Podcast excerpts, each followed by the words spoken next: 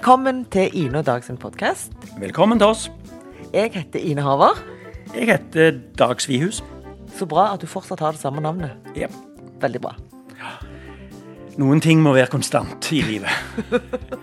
Vi har en veldig fin gjest i dag. Eh, han heter Karl Ove Moene, eller Kalle Moene, som han kanskje er mer kjent som. Han er professor i økonomi ved Universitetet i Oslo. Han jobber spesielt med fordelingsspørsmål og sammenligning av økonomiske institusjoner. Spesielt innen arbeidsmarkedet. Og eh, siden det snart er 1. mai, og det er arbeidernes dag, så er kanskje det ikke så, ikke så dumt tema. Nei, og så tror jeg at eh, han kan svare på mange av de tingene som vi lurer på rundt økonomi og denne her koronakrisen. Jeg er så lei av å si ordet koronakrise. Ja, Ja. Men eh, jeg gleder meg i hvert fall til å snakke med han. de sier, Sånn som de sier andre plasser. Koronakrise. Nei, dette ble useriøst. Eh. Vi gleder oss Ja. veldig til å snakke med Kalle, så skal vi høre med han. Ja.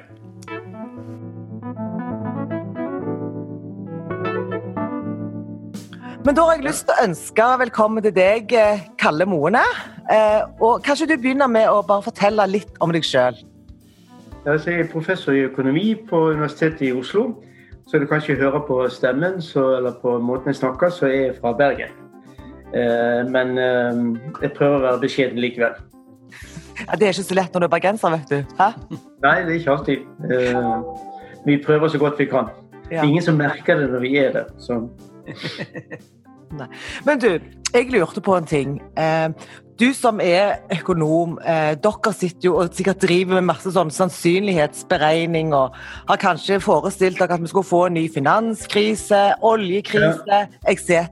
Hadde du i ditt regnestykke eh, forestilt deg at, at vi skulle komme i den situasjonen vi er i dag, der vi blir rammet av en pandemi som, eh, som eh, setter ut egentlig alle aktører i samfunnet. Da må vi stenge ned. Nei, det hadde jeg ikke. Eh, Men jeg hadde eh, tenkt litt på konsekvensene av det. Eller jeg hadde ganske klart for meg konsekvensene umiddelbart når det skjedde.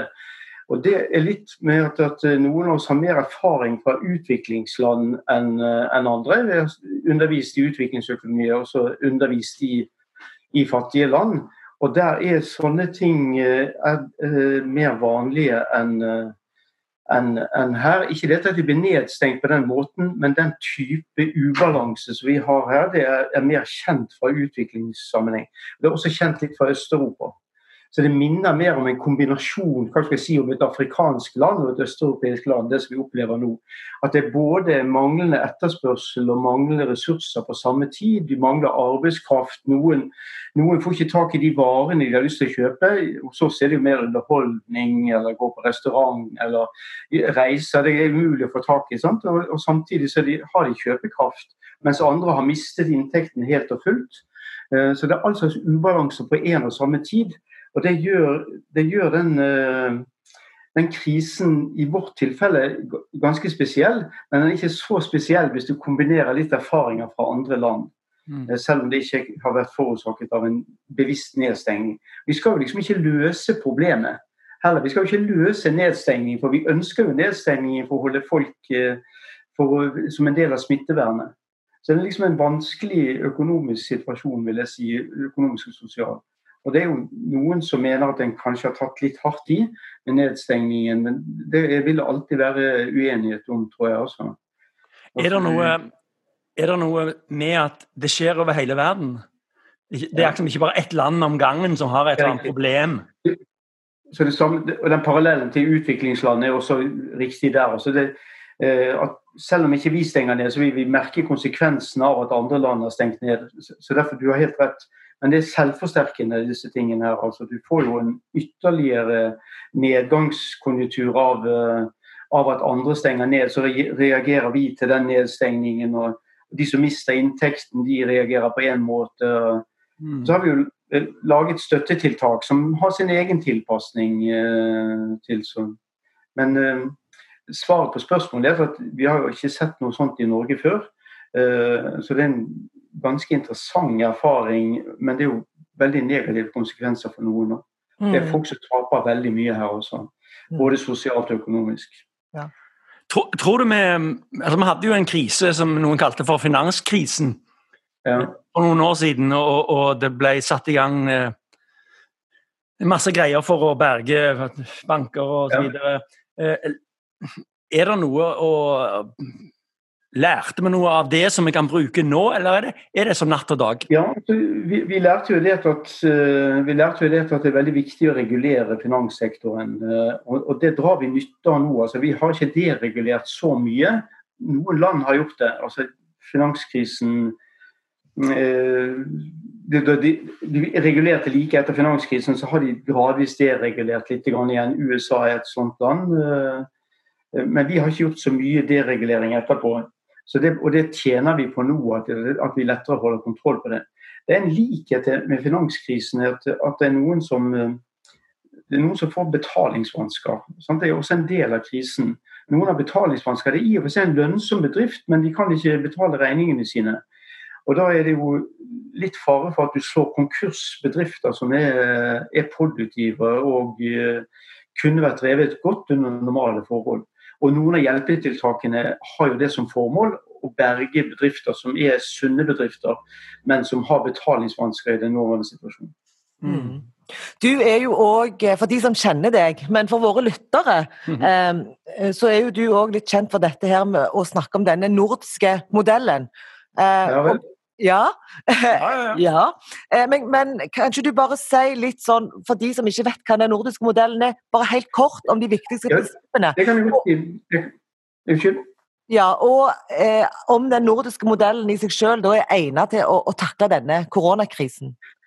Ja, altså, det, la meg begynne omvendt. Si, jeg vil svare ja på det siste spørsmålet. Den nordiske modellen er, er godt egnet til å så Eh, bøte så godt vi kan på den, disse koronakrisene. Eh, og Grunnen til det, det er at det er en sammensatt modell en sammensatt modell med sterke organisasjoner i arbeidsmarkedet. så Det betyr at en kan holde mer kontroll med hva slags avtaler en inngår, som er da ganske felles for store grupper av arbeidstakere og store grupper av bedrifter. Det er både godt organiserte arbeidstakere, men noe som folk ofte glemmer, godt organiserte arbeidsgivere. Eh, faktisk er det, det NHO har, det, har eh, mye mer si, kollektiv forhandlingskraft enn noen arbeidsgiverorganisasjon som jeg vet om i hele verden. Og Jeg har sett på disse tingene på tvers av land. Så de er veldig godt organisert på arbeidsgiversiden. Den ene siden. Velferdsstaten er en annen, en annen ting. At en har forsikringsordninger. Nå har vi jo lært at de, de forsikringsordningene ikke strakk så godt til for noen grupper, og at vi kanskje ønsket mer umiddelbar støtte fra første dag, og ikke at en skulle ha en en periode der arbeidsgiverne skulle betale. De tingene har, forsøkt, har vært lagt inn som en del av krisepakken. Men en stor, omfattende velferdsstat en del av nordisk modellen. Og det tredje som jeg vil legge vekt på også i krisesammenhenger, det er at en rutinemessig konsultasjon mellom eh, si, styresmakt eller regjeringen og de store organisasjonene. Sånn at de får en felles oppfatning og en delt oppfatning av hvordan krisen er. Og derfor lettere kan få en konsensus eller enighet om hvilke tiltak en skal sette i verk. Uh, så, så, jeg vil si at uh, dette er de typiske trekkene for uh, organisasjonsmessige trekkene for den nordiske modellen, og de er vel egnet til å gripe inn. Jeg vil bare si Et resultat av den nordiske modellen er jo små forskjeller. Det også gjør det lettere å gripe inn, at en har mer følelsen av at en er i samme båt. Selv om det er sånn at det er noen grupper som rammes mye hardere av koronakrisen enn andre. Mm. Offentlig sektor, Folk i offentlig sektor rammes jo mye mindre i grad enn folk i private eh, bedrifter, av naturlige grunner. Eh, så jeg må liksom huske på at at de som jobber f.eks. i offentlig sektor, som jeg selv gjør, vi rammes jo av en, at vi, akkurat vi foretar tvungen sparing. Vi sparer mer penger enn vi vanligvis ville gjort. fordi Vi kan ikke, kan ikke gå så mye på pub, vi kan ikke gå så mye på kino, konserter, på reiser osv. Derfor sparer vi penger. Så Vi er tvungen sparing, kan du kalle det for. Mens det er andre som har mistet inntekten helt, og de må ha en tvunget reduksjon i sitt forbruk.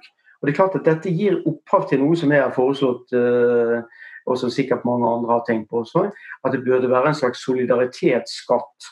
Der du på en måte skattler noen av de av oss som var litt eh, heldige i koronakrisen, og så eh, sånn at vi delte på byrdene med de som mistet sin inntekt pga. koronakrisen. Du har jo, det, er jo, det er jo litt av innholdet i en, i en eh, kronikk du hadde nå ganske nylig, ja. eh, som handler om det. Og, men jeg vil litt tilbake til den, den modellen. Eh, eh,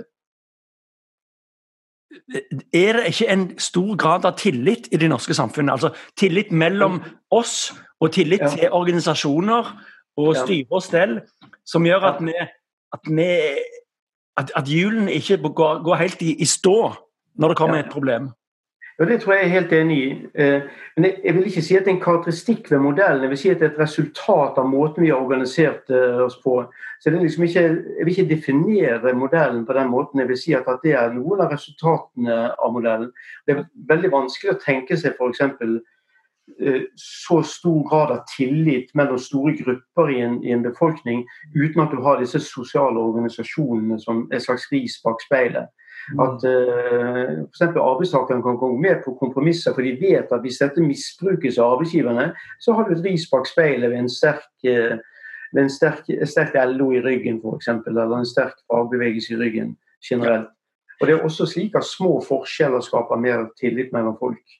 Mm. Uh, hvis du har store forskjeller, så føler du at du ikke du, del, du lever ikke delte liv. Og når du ikke lever delte liv, så er det veldig vanskelig å stole på de som lever et sånt veldig forskjellig liv fra deg sjøl.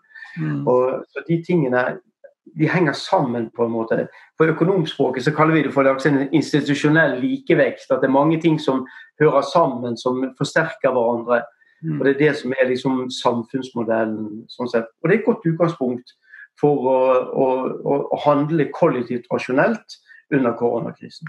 Men, men denne eh, solidaritetsskatten som, altså Jeg, jeg synes jo det høres altså Jeg liker ordet solidaritetsskatt, men kan du en forklare helt praktisk altså Du sier at noen sparer penger og går mindre på pub. De kan ha litt penger og så kan de dele med hverandre. Si litt om, om hvordan vi skal gjøre det helt konkret, og om folk blir med på det. Ja, det, det, det, siste vet jeg ikke. Og, og jeg vet jo ikke og det, det er mange andre ting jeg foreslår også i samme kronikken, så det var ikke så sentralt eh, det med sånn solidaritetsskatt. Men, men det var det med... en, en solidaritetsskatt kunne, kunne, være slik at du hadde et høyt innslagspunkt i inntekt før den slo inn. La oss, si, bare for å ta et, et, tall rett fra løse luften. Innslagspunktet kunne f.eks. være 600 000. Altså de, eh, det, for det første da er det mange som ikke blir rammet i det hele tatt. Og i alle fall de som hadde tapt mye inntekter, de blir ikke rammet. og Det er jo det som er intensjonen Mm. Uh, mens de som liksom har klart seg bra og har høye inntekter, de kunne få et, uh, en ekstraskatt på det som de tjener over 600 000 f.eks. Mm. Uh, så det ville være en måte å gjøre det en form, en form for en midlertidig progressiv skatt i, i systemet som, som, har denne utjevnende effekten. Altså, vi må huske det, det, er noe som er umiddelbare byrder i forbindelse med koronakrisen. at Det er noen som taper inntekt, og så får de støtteordninger og så, eh, som hjelper de litt ut av den situasjonen. Det, eh, så, så, er det de langsiktige konsekvensene. Vi gjør dette ved å ta fra oljefondet. Hvis vi skal tilbake til at vi i gjennomsnitt over en tiårsperiode f.eks. skal bruke 3% som er det som vi liksom har bundet oss til en, en regel som skal gjelde i gjennomsnitt, ja, så kommer vi til å bruke mindre i framtiden med mindre du innfører en slik solidaritetsskatt. Så da blir det folk i framtiden som må betale ved at det blir mindre bevilgninger f.eks. til helse, som vil jo være veldig feil. Mm. Altså Koronakrisen kom jo delvis ved at du hadde at du hadde for lite reservekapasitet i helsevesenet. Den fikk en dramatisk eh, karakter av den grunn, ved at særlig intensivkapasiteten på sykehusene var for lav. Mm. Jeg sa vel også i samme kronikk at, eh, at en burde tenke sikkerhetspolitikk eh, mer som samfunnssikkerhet, ikke bare militær sikkerhet. Det er godt mulig at en for å oppnå balanse så skal en prioritere ned eh, militær og satse på sikkerhet gjennom helsevesenet. For vi ser jo at, at et angrep av en virus kan jo være like dramatisk som politisk ustabilitet kan være. Og Derfor må en få bedre balanse mellom disse to tingene. Ja. Men, men, når du, men, når du, sier dette her med kanskje vi skulle legge, altså bruke mindre på, på militæret, ikke sant? Mm. Da tenker jeg med en gang at eh, nei, det er ikke jeg enig i. Fordi at ja. vi så at eh, eh, Sivilforsvaret De er jo på, på vakt nå. De må gjøre rent hver ambulanse etter de har Ja. innbrakt pasienter. Eh, Heimevernet de står på grenseovergangene. Eh, de eh, var på Gardermoen. Eh, og samtidig så tenker jeg det, og dette er jo bare mine tanker, at hva plan hadde vi egentlig for reservene våre? For, for militæret er jo reservene, og der lå det jo ingen god plan i forhold til Ja. smittevern. Men vi, vi trenger ikke å gå veldig dypt inn i det. Men, men det er jo òg noe som jeg tenker på at eh, vi burde hatt en plan for òg reservene. Er du enig? Jeg er enig, men så jeg tenkte ikke på det som du nevnte der, som, som jeg syns var et godt eksempel på en positiv rolle. Jeg tenkte på dyre investeringer, oppgradering av høyteknologiske våpen osv. Ja, eksempel. eh, eh, som er ekstremt eh, dyre i Forsvaret. Men det er klart at Forsvaret binder seg opp til veldig langsiktige kontrakter. til så, så mange av disse utgiftene er bundet i framtiden. Men jeg hadde, hadde bare lyst til å få fram det perspektivet at det hjelper ikke å ha sikkerhet på en ubalansert måte. Du har sikkerhet eh, politisk og militært.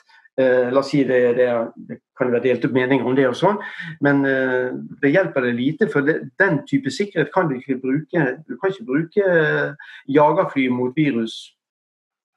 Nei, Så det, du får, det er det som trenger at jeg må ha balanse, jeg må ha balanse i disse tingene. Men jeg må ha balanse, jeg må ha ekstra kapasitet innenfor f.eks.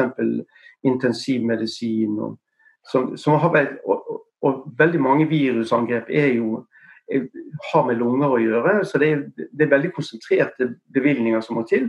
Der vi viste, krisen avslørte at vi var helt underfinansiert. Mm. Eller investert. Du, du sa jo òg det i den eh, kronikken i Aftenposten, at eh, det har jo kommet fram at de som eh, er, gjør de viktigste jobbene, Ja. er òg de som har ligget lavt eh, lønnsmessig. Eh, og dette bør jo nå eh, legge press på, eller motivere fagforeningene til å gjøre en, en innsats eh, for disse gruppene lønnsmessig. Det er jo jeg helt enig i. Eh, og der tenker jeg at her burde vi jo fått inn bl.a. en sånn likelønnspott for kvinner. Ja, jeg er helt enig. Og kvinner har eh, sånn, eh, Helsevesenet er en veldig eh, kvinnedominert sektor. Mm. Og det, det, er jo, det er jo flaut. Flaut at det, altså liksom oppfordrer folk til å gå ut på altanen og klappe. En burde gå, oppfordre folk til å virkelig agitere for at nå må vi rette litt på lønnsstrukturen, som er sånn at de viktigste jobbene ikke får de dårligste betalte lønningene, eller de laveste lønningene. Det er, jeg mener dette er viktig. Det gjelder renhold også. Renhold ikke i samme grad som tidligere kvinneyrke, forresten. Altså, renhold er blitt mer eh, et innvandreryrke. Eh, Store deler av renhold, i hvert fall i Oslo, er blitt litt mer mannsdominert. Og, litt mer maskindominert. Mm. Eh, mens det var et kvinneyrke inntil ganske nylig. Men uansett, det er ikke kjønnet som er det aller viktigste, det er dette grupper som er diskriminert, vil jeg si, lønnsmessig. Altså, kvinner i helsesektoren de, det er veldig vanskelig å stå på hardt på kravene. For det er jo kvinner som er rekruttert til den type jobber, som ikke heller som ikke er villige til å ramme tredjepart i samme grad ved å stå på kravene. og Derfor Siden du har en spesiell rekruttering av folk med en god innstilling på det området, der, så blir de på en måte straffet for dette at vårt system for lønnsforhandlinger premierer litt at du er villig til å stå på kravene. Så Derfor så bør det være en mobilisering rundt disse tingene. For dette er kjempeviktig, mye viktigere eh, arbeidsoppgaver eh, enn mange av de andre som har tre ganger lønnen deres. Det, det jeg òg har etterlyst litt, det er det at eh, hvem skal nå hjelpe hjelperen? Og når du òg sier dette her med at det er flaut å stå på altanen og bare klappe, så er jeg sånn helt enig i det. Eh, Mhm. for det at eh, Regjeringen har jo vært veldig flinke å lage sånne krisepakker, nei ikke krisepakker, men tiltak for den fysiske eh, helsen. Men hva med den psykiske helsen? Vi vet jo Ja. at dette er yrker som er kjempeemosjonelt krevende. Ja. Vi ser Ja. til Italia, men vi trenger ikke å gå lenger enn til noen sykepleiere på Bærum som la ut noe på Facebook der de sa at de var så slitne at de egentlig hadde de bare mest lyst å grine. Eh, Ja. så jeg etterlyser jo til og med altså, psykiske tiltak til hjelperne. Jeg er ikke uenig i det. Jeg syns det høres fornuftig ut. Jeg, jeg har en lyst til å se på dette, denne viktige parameteren små forskjeller. Ja. eh, som, som er som en bærende, bærende ting i, i, vårt, eh, i vår modell. Ja. Eh, kan, den, eh, kan, kan vi få større forskjeller nå? Eller kan vi få mindre forskjeller? Eller hvordan ligger det, eh, den i potten nå, akkurat nå? Eh, så det, det, blir jo et spesielt lønnsoppgjør til høsten. Eh, for da vil det vil være veldig preget av, eh, av, krisesituasjonen. Men det er klart at det, krisen, koronakrisen i seg selv rammer veldig ulikt. Så det, det at ram, noe som rammer ulikt, skaper større forskjeller. Og det ser ut til at, at den nedstengningen nokså systematisk rammer lavtlønte mer enn høytlønte. Eh, det, det, ser i hvert fall sånn ut. nå. Vi har ikke full oversikt, men vi kan se det på de som har vi ser det på den inntektsmessige bakgrunnen på de som er meldt ledige til eh, Nav. Og Den inntektsmessige bakgrunnen til de som er meldt ledige til Nav, der er det overrepresentasjon i, i lavtlønnsyrker. Eh, og det er overrepresentasjon av, av yngre arbeidstakere. Eh, og I tillegg så er det jo selvfølgelig også noen bedriftseiere, altså Små bedriftseiere rammes mer enn store bedriftseiere. De, har liksom mer, de er lettere for de å tåle en sånn nedkutting. De har bedre likvide reserver. De vil ha mer buffere mot det. Så, så det vil være ulikhetsskapende i seg sjøl. Men hjelpetiltakene kan bidra til å lindre noe av dette. Vi har ikke full oversikt over hvordan de virker, men uh, det er jo intensjonen at de skal uh, ikke at de ikke skal eh, være øke ulikhetene unødvendig. Men jeg tror en fare det er at i, i den situasjonen vi, Nå bruker vi veldig mye penger. Eh, og da vil det være et sparetiltak når vi kommer liksom i, to, i, i 2021 tror jeg når krisen forhåpentligvis er over, i hvert fall den umiddelbare krisen, så vil det komme sparetiltak. Og Da er det veldig lett å begynne å kutte på de tingene som gir små forskjeller. F.eks. at du har universelle velferdsstatsordninger. Da vil det være sånn forslag at nå må vi målrette velferdsstatsordningene mer til spesielle grupper osv. Som eh, i hvert fall sånn som jeg har studert det, erfaringene tyder på at at det leder til en nedbygging av den type støtte som svake grupper får, selv om det er under overskriften at nå skal vi virkelig støtte svake grupper. Så mm. når en har isolerte støtteordninger til svake grupper, så etter noen år så blir de nedbygget. Det skjedde med, med mange støtteordninger i USA som hadde mye mer sånn målrettet, eller det som på nynorsk heter means-tested welfare state. Uh, det, den er følsomt mye mer overfor hva skal jeg si, den, den, politiske holdningen som gjennomsnittsbefolkningen har til den gruppen som støttes. Uh, F.eks. Uh, støtte til enslige kvinner på, på 1960- og 70-tallet i USA gikk dramatisk ned. Og det var under en falsk påstand om at uh, blant uh, enslige mødre så var det mange som misbrukte velferdsstatsordningene. Mm. Det viste seg i etterkant at det var, det var bare det var fake news. Mm. Men da var skaden allerede skjedd. Ja. Jeg, jeg, unnskyld. Ja, jeg, jeg, tenker jo dette her med at det med misbruk av ordninger ikke sant? Nå når uh, etter krisen uh, slo løs, da, så har jo Nav også stilt mye mindre krav til dokumentasjon. ikke sant? Det er lettere å få. Men, men jeg tenker jo det at ja, det vil nok være noen som misbruker. men men, men, man kan ikke gå med en tanke at det vil utgjøre eh, majoriteten. ikke sant? De fleste er ærlige, eh, og det er det vi må forholde oss til. Så vil det alltid være, både nå og da og etterpå og i framtida, alltid vil være noen som vil prøve å lure systemet. Ja. Jeg tror sjansen for å lure systemet er mye større for den næringslivsstøtten som er gitt.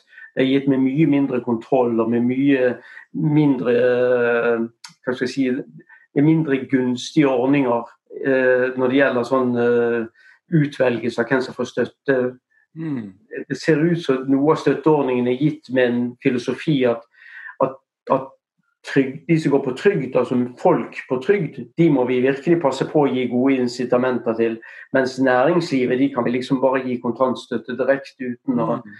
være så nøye med hva disse pengene brukes til. Så jeg syns at noe av næringslivsstøtten skulle vært gitt som et lån men du skulle sagt det til utgangspunktet at det er meningen at dette lånet skal gis betale, Det er meningen at dette skal ettergis, denne gjelden skal ettergis, men det er betinget av at pengene brukes på den måten som vi har intensjon om at de skal. F.eks. at det ikke betales utbytte, at det ikke går til økte lederlønninger. at det, de tingene der. Og Det kunne de hatt mye mer av eh, med de støtteordningene, mens, mens nå blir det gitt nesten sånn vilkårsløst. Uh, og det jeg tror ikke det er gunstig, men nå kommer det sikkert nye pakker, og jeg tror de kommer til å tenke mer på dette da.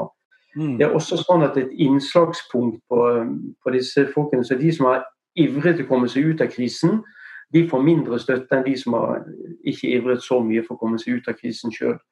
Og, og, det aldri Det oppleves som urettferdig av, av, de som har funnet på nye løsninger og har vært, uh, har vært gode til å komme, gjøre noe sjøl, mens de som uh, enten ikke har kunnet dette eller ikke kom på noe, de får mye mer støtte.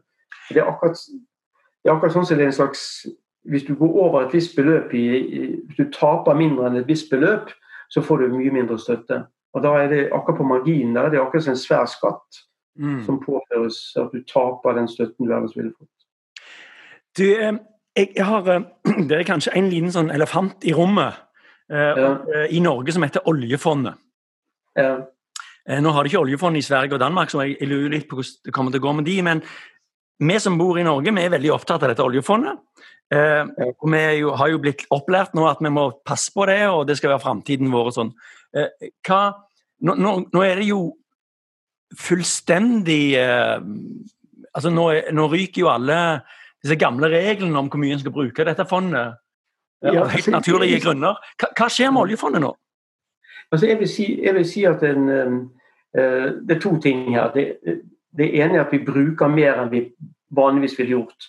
Ja. Men den regelen har jo alltid vært ment at den skal holde i gjennomsnitt, ikke i spes, spesifikke år. Vi brukte også mer under finanskrisen. Eh, og så tok vi det igjen etterpå. Så Ideen er liksom å bruke mer i lavkonjunktur og så spare litt mer i, i høykonjunkturfasen. Så Det er det ene aspektet. Det er ikke så redd for, Da vil de komme tilbake igjen på en eller annen måte. Men det, det, det som er no, Verdien av fondet kommer til å gå ned fordi det er lavkonjunktur i verdensøkonomien. Og vi, vi eier jo andeler i hele verdensøkonomien gjennom det fondet.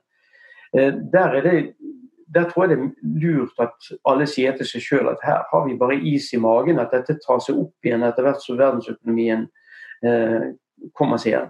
Det, det, er ikke noen forskjell der på f.eks. å ha et fond i verdensøkonomien eller være veldig avhengig av å selge eksportvarer til verdensøkonomien. Du er like avhengig av verdensøkonomien i begge tilfellene.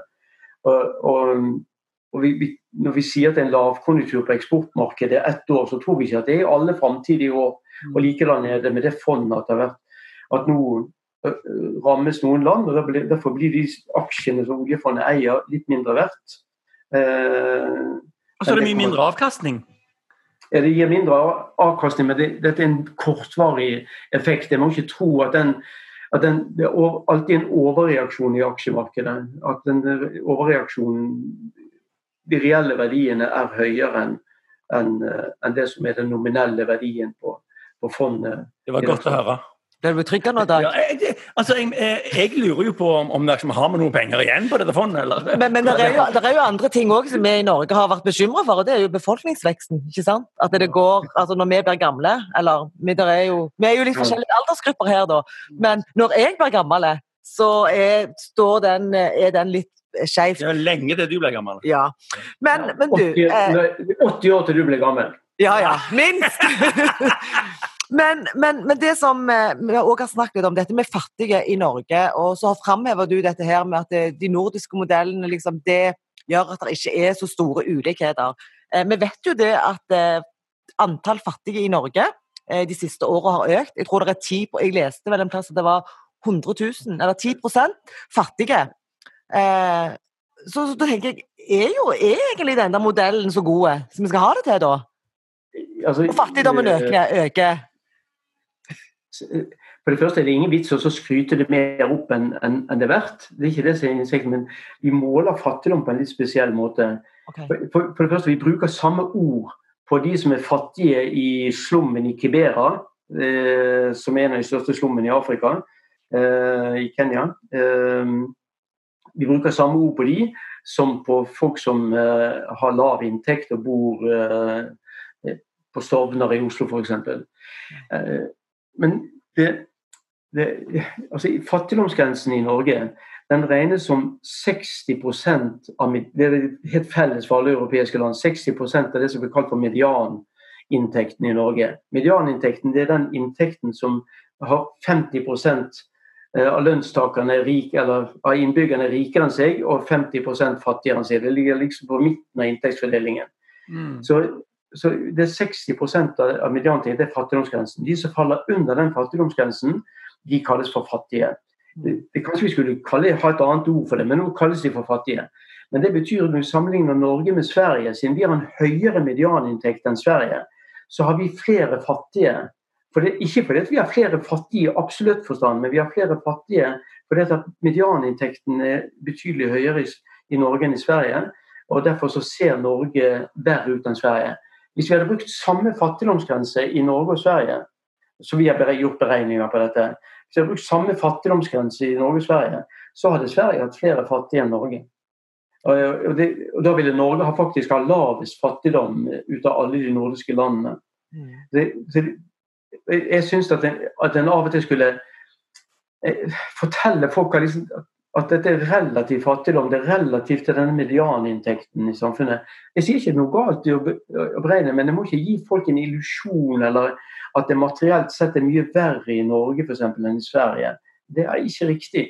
Og hvis det er hvis det er sånn at Det kommer liksom an på hvem en sammenligner seg med. og det, hvis en, I sammenligning med, med medianinntekten, altså 60% av den, så er det, er det, en høyere andel som faller under den i Norge enn i Sverige. Men det er først og fremst fordi medianinntekten i Sverige er lavere. Ikke fordi det er flere fattigheter i en absolutt forstand. Jeg bare si en ting til. Jeg har masse erfaring fra utviklingsland. Så Hvis du bruker samme fattigdomsberegning som det vi gjør i Norge, i India, da forsvinner all fattigdom i India. Hvorfor det? For medianinntekten er så lav, den er nesten lik fattigdomsgrensen. Den virkelige fattigdomsgrensen i, i og Hvis du tar 60 av den, da er det jo ikke, det nesten, ned, nesten ned på noe som ikke går an å leve av. Så Det betyr at vi har en definisjon av fattigdom som vi syns er veldig flott. Som i de landene som virkelig har fattigdom, hvis du bruker den definisjonen i de landene som virkelig har fattigdom, så har ikke de fattigdom i det hele tatt. Og Det er også en litt tankevekkende observasjon. At, at fattigdomsproblemene er sammensatt. og Derfor må det også beskrives på en sammensatt måte. Det er mange familier i Norge som jeg tror har barn og familiemedlemmer som føler at de ikke kan liksom opptre i vanlige sammenhenger uten å skjemmes litt hvordan de har det hjemme. Det er et problem. Men det er ikke sikkert det dekkes så veldig godt av de måtene vi beskriver det på. Vi ønsker ikke at folk skal skjemmes. Vi ønsker at folk skal, alle skal ha bursdagsselskap. Vi ønsker at det skal være den form for trygghet. Mm. Uh, men, men, vi må ikke tro at det er verre i Norge enn i Sverige. For det, det, det, ingen, det kommer av en helt annen grunn. Det, det, landet faktisk i Norden som har gjort det dårligst i de siste årene når det gjelder fattigdom, det er eller som økende ulikhet, er faktisk Sverige. Og ja, og... Derfor dette er en underminering av, av, velferdsstaten i Sverige. Det har ikke skjedd i Norge. I Nei. Norge har det litt at arbeidsmarkedet har falt litt sammen på de laveste inntektsgruppene. Eh, som burde være noe, en oppgave for LO å ta skikkelig tak i. Mens i Sverige er det rett og slett at velferdsstaten er blitt mer gjerrig. Mm. Men men, samtidig så er vel eh, fatt, det, det, er veldig interessant det, de, de betraktningene du har der om, om, fattigdom som begrep. Men, men hvis, fattig, hvis, det er mer fattigdom, så er det kanskje et indikator på større forskjeller? Det, det er større det er forskjeller. Det er, større forskjeller. Så det, vi, vi, har, vi, har, hatt et prosjekt som har sett sammenlignet ulikheten under medianinntekten. Altså, kan si Under gjennomsnittsinntekten, de som har lavere inntekt. Hvordan har dette utviklet seg mellom de nordiske land? Mm. Eh, det er interessant å sammenligne. Disse landene har et likt utgangspunkt. og, og fra f.eks. 1990 fram til i dag, så har uh, ulikheten under gjennomsnittsinntekten økt i alle de nordiske landene. Den har økt i Sverige fordi at velferdsstaten er blitt dårligere. Den har økt i Norge ikke fordi at velferdsstaten er blitt dårligere, men fordi at de laveste lønningene ikke har fulgt like godt med som de andre lønningene i, i mm. lønnsutviklingen. Mm. Og Det er interessant at, det, at, at, at, ulikheten øker av forskjellige grunner.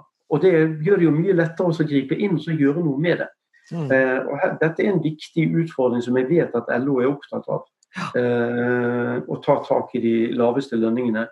Uh, og, for vi, vi, har ingen minstelønn i de nordiske land. Det, det, det er fagforeningene som, som som overvåker de laveste lønningene. Men da må de også ta ansvar når de laveste lønningene ikke følger like godt med i lønnsutviklingen som de andre lønningene. Mm. Og, for Ellers så får du med en gang noe som LO ikke vil ha. Da får du nemlig lovbestemte minstelønninger. Og lovbestemte minstelønninger blir lett også en slags maksimumslønn for, for noen grupper. Så jeg tror at det er bra å ha den ordningen vi har, men da er det viktig at LO følger med på de laveste lønningene. Ja. Jeg, jeg, er jo sånn at jeg tenker at egentlig så vil jeg at alle skal ha det godt, og jeg føler at jeg er nesten kommunist. Nei da. Nei, men, men, eh, midt oppi denne her pandemien så dukker det jo opp en sånn en interessant sak som har fått mye oppmerksomhet.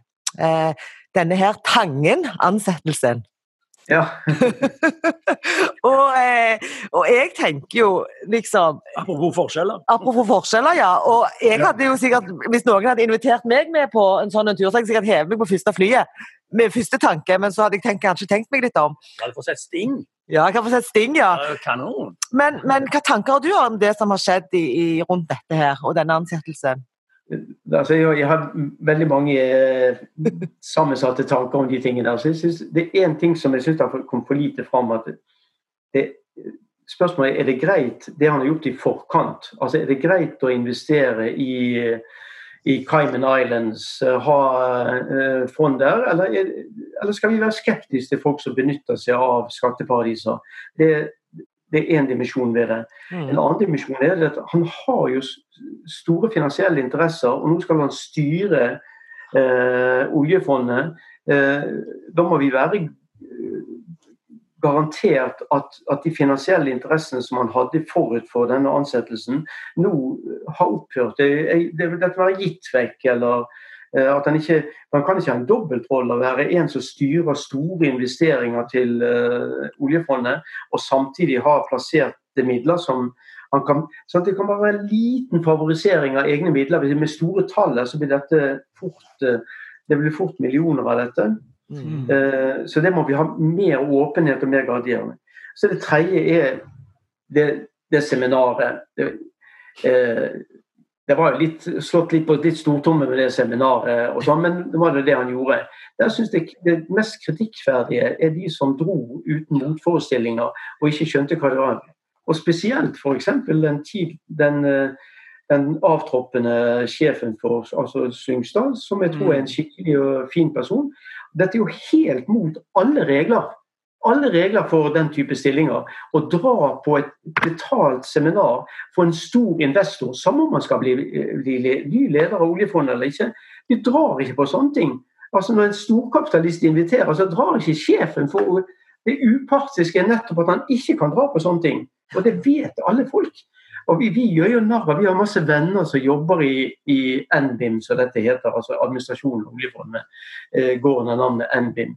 Og vi er alltid narr Det er ikke rart du er tjukk, for du må jo alltid spise pølser.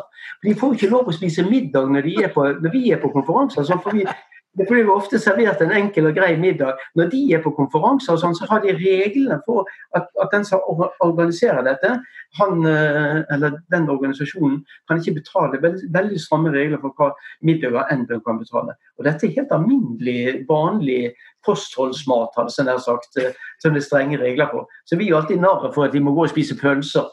Eh, og da, det jo, det, da kommer liksom denne den eh, festen som eh, eh, Tangen arrangerte, den kommer i et merkelig lys at Slyngstad kan gjøre de tingene. Og I tillegg så er det tull med reiseregningene for hverandre. Helt til slutt vil jeg si at det er noen som har vært sånne moralske voktere. De, de må også vokte seg for å delta på sånne ting som de normalt ville kritisere. Det har vært sånne etikkspesialister og sånt som ja. jeg syns skulle holde seg for god til å for det første forsvare det, og for det andre sjøl delta med med funn og klem. Nå skal jeg kaste meg ut på et, eh, på et dype her. Ja. Jeg, jeg, er veldig opptatt av kunstig intelligens. Eh, altså AI, som det heter på nynorsk. Og um, jeg er veldig opptatt av, av, hva som kan gjøres med algoritmer. Ja. Og så tenker jeg på den sjefjobben i oljefondet. Ja. Altså En kjempeviktig person. Kunne den jobben vært gjort av en robot? Ja. For det, det, er jo bare tall og, og, og prognoser. Og jeg tror faktisk Europa har gjort, gjort en bedre jobb. Ja. Det kalles for liksom å indeksstyre. In, styre etter indekser. Mm. Uh, det er, og dette er jo en, en, faglig kontrovers knyttet til administrasjon av oljefondet. Yes. Det er mange spesialister innenfor finans, er ikke noe blant de, men det er mange spesialister innenfor finans som er en spesialisert gren av økonomi, som sier dette at uh, vi skal ikke ha en aktiv styring av oljefondet. Vi skal styre etter indekser. Og de indeksene kan også ta etiske hensyn. Altså Det er ikke noe yes. det, de, de ligger, det ligger inne algoritmer, som du sier, uh, dette. Og, og, det blir en mindre administrasjon, det blir en, en mer rutinemessig jobb. Dette er noe som de uh, kunst, si, algoritmene fort lærer. Maskinlæring tar dette veldig fort. Ja. Eh, du bare sier oppskriften for, for, hva du ønsker å oppnå, så mm. gjør de dette på eh, beste måte. Og det er det mange som mener at det vil gi en bedre avkastning alt i alt ja. enn den måten jeg nå styrer med å forsøke å være litt aktiv, litt smartere enn markedet, ta initiativ osv. Men du kunne kanskje hatt delt opp eh, fond i to, da? Hatt en sånn kontrollgruppe? At vi kjører litt fond på robot, og så kjører vi én med Tangen? Ja, altså, jeg, jeg, tror det, jeg tror det, det no, no, Dette har jeg ikke undersøkt sjøl, men jeg har sett undersøkelser som sier dette at vi har, vi har, litt høyere avkastning sånn som vi gjør det nå, enn vi ville hatt med sånn indeksstyring. Men det er før du, du, må jo trekke fra de administrasjonskostnadene som dette koster å være aktive. Og hvis du gjør det, så, så er det litt lavere avkastning. Men i, i, i, praksis så styrer de veldig som en robot ville gjort. I hovedstyringen er sånn som at den styrer til disse indeksene som, eh, som eh, ligger der. Men, eh, men det har et, et visst aktivt element. Jeg, jeg, jeg, tror noen ganger så kan jeg vise til at f.eks. så kjøpte kjøpte oljefondet en god del aksjer under finanskrisen, for de var jo underpris. Så vi tjente jo, oljefondet tjente jo på finanskrisen. Fordi at De er et langsiktig fond, så de, måtte, de kunne kjøpe fra de som måtte panikkselge i, i aksjemarkedet under krisen. Eh, og alt i alt eh, kom, ut, eh, kom oljefondet bedre ut av, mm, mm. av dette. Men så er jeg helt enig i at hva skal jeg si, roboter er på vei inn, men det er ikke alle som skjønner helt hvordan de kommer inn. De tror dette at roboter først og fremst kommer inn på, på lavtlønnsyrker. Det kan de gjøre, for noen av lavtlønnsyrkene er rutinepregede jobber, men ikke alle. Noen, eh, noen, av jobbene er veldig ansvarsfulle jobber som vi har snakket om tidligere, som ikke roboter ikke kan gjøre. Eh, dessuten er det alltid en konkurranse mellom hva roboten kan gjøre. Den vil være, den vil, en robot vil alltid være et imperfekt menneske, på en måte. Men, men et menneske koster mer penger enn, en, enn å drive en robot. Så, så derfor vil det ofte det, det, som robotene kommer til å gjøre, er å sette et lønnstak på visse yrker. Og det kommer nok til å skje. At dette vil sette et lønnstak, hvis, med mindre vi, vi, gjør ting som gjør at vi kan få et yrke som egner seg for robotisering. Der vil det være en maksimumlønn. Og det er satt av, av teknologien i seg sjøl.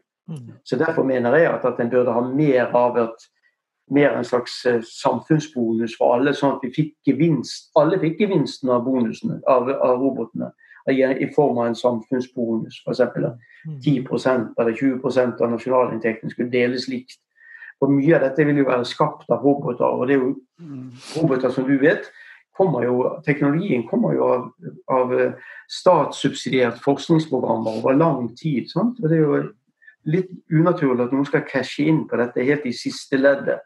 At de ikke skal dele noe av gevinsten her på alle. Mm.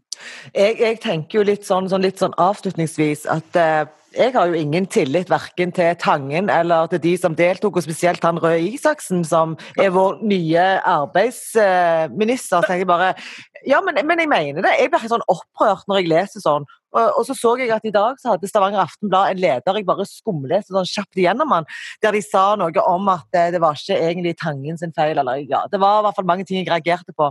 Men vi skal ikke ta den diskusjonen nå. Men, men jeg tenker dette handler jo om verdier. Det handler om eh, hva samfunn vi skal ha, ikke sant? Eh, mm. og da kan ikke en holde på sånn enkelt og greit. Jeg syns det er sånn moralsk forkastelig. Alle kan bli frista, men en bør ha dømmekraft. Og han var det styngste. Han, han, har jo lagt seg helt flate. ikke sant? Samtlige har jo lagt seg flate, og alle skal betale tilbake av skattepengene våre. Mm. Så det blir jo bare sånn flaut hele greia når alt kommer der. Hele greia blir flyttet. Jeg syns det er det riktige ordet. Det er en god slutt. Det med liksom betale tilbake pengene, det er jo det er jo litt rar ordning. for Den sier jo dette skal liksom arbeidsgiver betale. Fordi, det, er ikke, det er ikke Tangen som skal betale for dem. Men grunnen til at, at, arbeidsgiver skulle betale, at det er regelen mange steder, det er fordi at arbeidsgiver skal vurdere om du skal reise der eller ikke. Og når arbeidsgiver gir grønt lys at du skulle, at du skulle reise der, da kan arbeidsgiver betale. Da er det riktig at arbeidsgiver betaler, f.eks. Norges Bank. Mm. Men poenget er at da skal jo den saken opp før du reiser, ikke etter at du har reist. Ja. Så det blir helt feil. Det er jo visst det hele så, så ordningen. Smøringen ja. og håper jeg um, Nettverkene er jo allerede casha inn. Ja. Sånn at, uh, og hvem som tar den regningen, det blir egentlig bare en bagatell. Så tenker jeg jo sånn at Hvis noen av de som har vært på, på denne turen, sitter og hører på oss, så syns sikkert de det er kjempekjekt å høre på oss. Men, ring, ring inn! Men uh, yt, med, det er ytringsfrihet. Vi har lov å, å mene det man, man mener. Ja, uh, jeg tror de er veldig vant til å høre synspunkter. Jeg tror ikke noen av oss hevder synspunkter som ikke de har hørt før. akkurat på det området der. Men, men det syns jeg er viktig. Det, det, det er viktig liksom å si at det er prinsippene som er avgjørende her i seg sjøl. Det, det, er liksom ikke, det er ikke liksom den moralske fordømmelsen av enkeltpersoner. Det er liksom at en har prinsipper, kjøreregler på disse områdene. Og jeg syns det viktigste når det gjelder Tangen, det er liksom å ha, uh, ha innsyn i hans finansielle transaksjoner og ja. hva hans hva hans faktiske finansformue er nå, hvor den er plassert. For han kan ikke være en stor investor samtidig som han er bli leder for oljefondet. Det syns jeg er det aller viktigste. De andre tingene er må, må, på en måte diskuteres eh, konkret, men det er en helt strukturell ting som må ordnes ganske fort. Det var jo en journalist som spurte han om eh, hvorfor han søkte, og så sa han at dette var jo guttedrømmen. Og så spurte journalisten hvor gammel er du nå? nå er vi skikkelig Nå begynner vi å bli sånn usaklige. Nei, men, det var litt gøy, da. Men eh, tusen takk, Kalle, for det at du hadde tid å være med oss. Det var veldig kjekt å snakke med deg. Ja, i måte.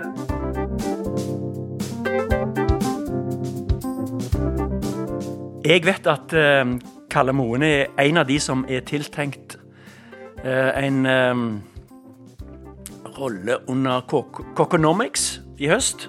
Jeg håper veldig det blir noe av. Det er jo veldig usikkert alt nå. Og jeg syns alltid det er så kjekt Eller det er alltid kjekt når vi har gjester. Uh, men noen ganger så har jeg nesten ikke lyst til å stoppe å snakke med dem, for jeg har så mange ting jeg lurer på. Mm. Ja. Og sånn ja. var det litt i dag. Det var nok det. Men uh, ja, vi kan godt uh, Altså, vi pleier jo ikke å ha noen sånn grense for disse podkastene. Om det skal liksom vare i kvarter eller 20 minutter eller 40 minutter. Eller. Men det er jo grenser for hvor mye folk gidder å høre på. Ja. Også, men, men, jeg tror det er viktig, altså det vi har snakket om i dag, det er viktige ting. Og det hjelper oss å forstå ting. Og spesielt det han tok opp med det der hvordan vi skal måle fattigdom. Mm. Eh, OK, det går det faktisk an å se på en annen måte. Mm. Ikke sant? Ja. Så jeg håper at dere som lytter òg får, får, noe ut av det, og eh, sitter igjen kanskje bitte litt klokere hvis det går an å si det sånn. Det er det som er målet vårt. Det er det som er målet. Gjør noe Gjør folk bitte, bitte litt klokere. For vi er veldig kloke i dag. Nei, vi er ikke det. Nei. Vi er helt vanlige.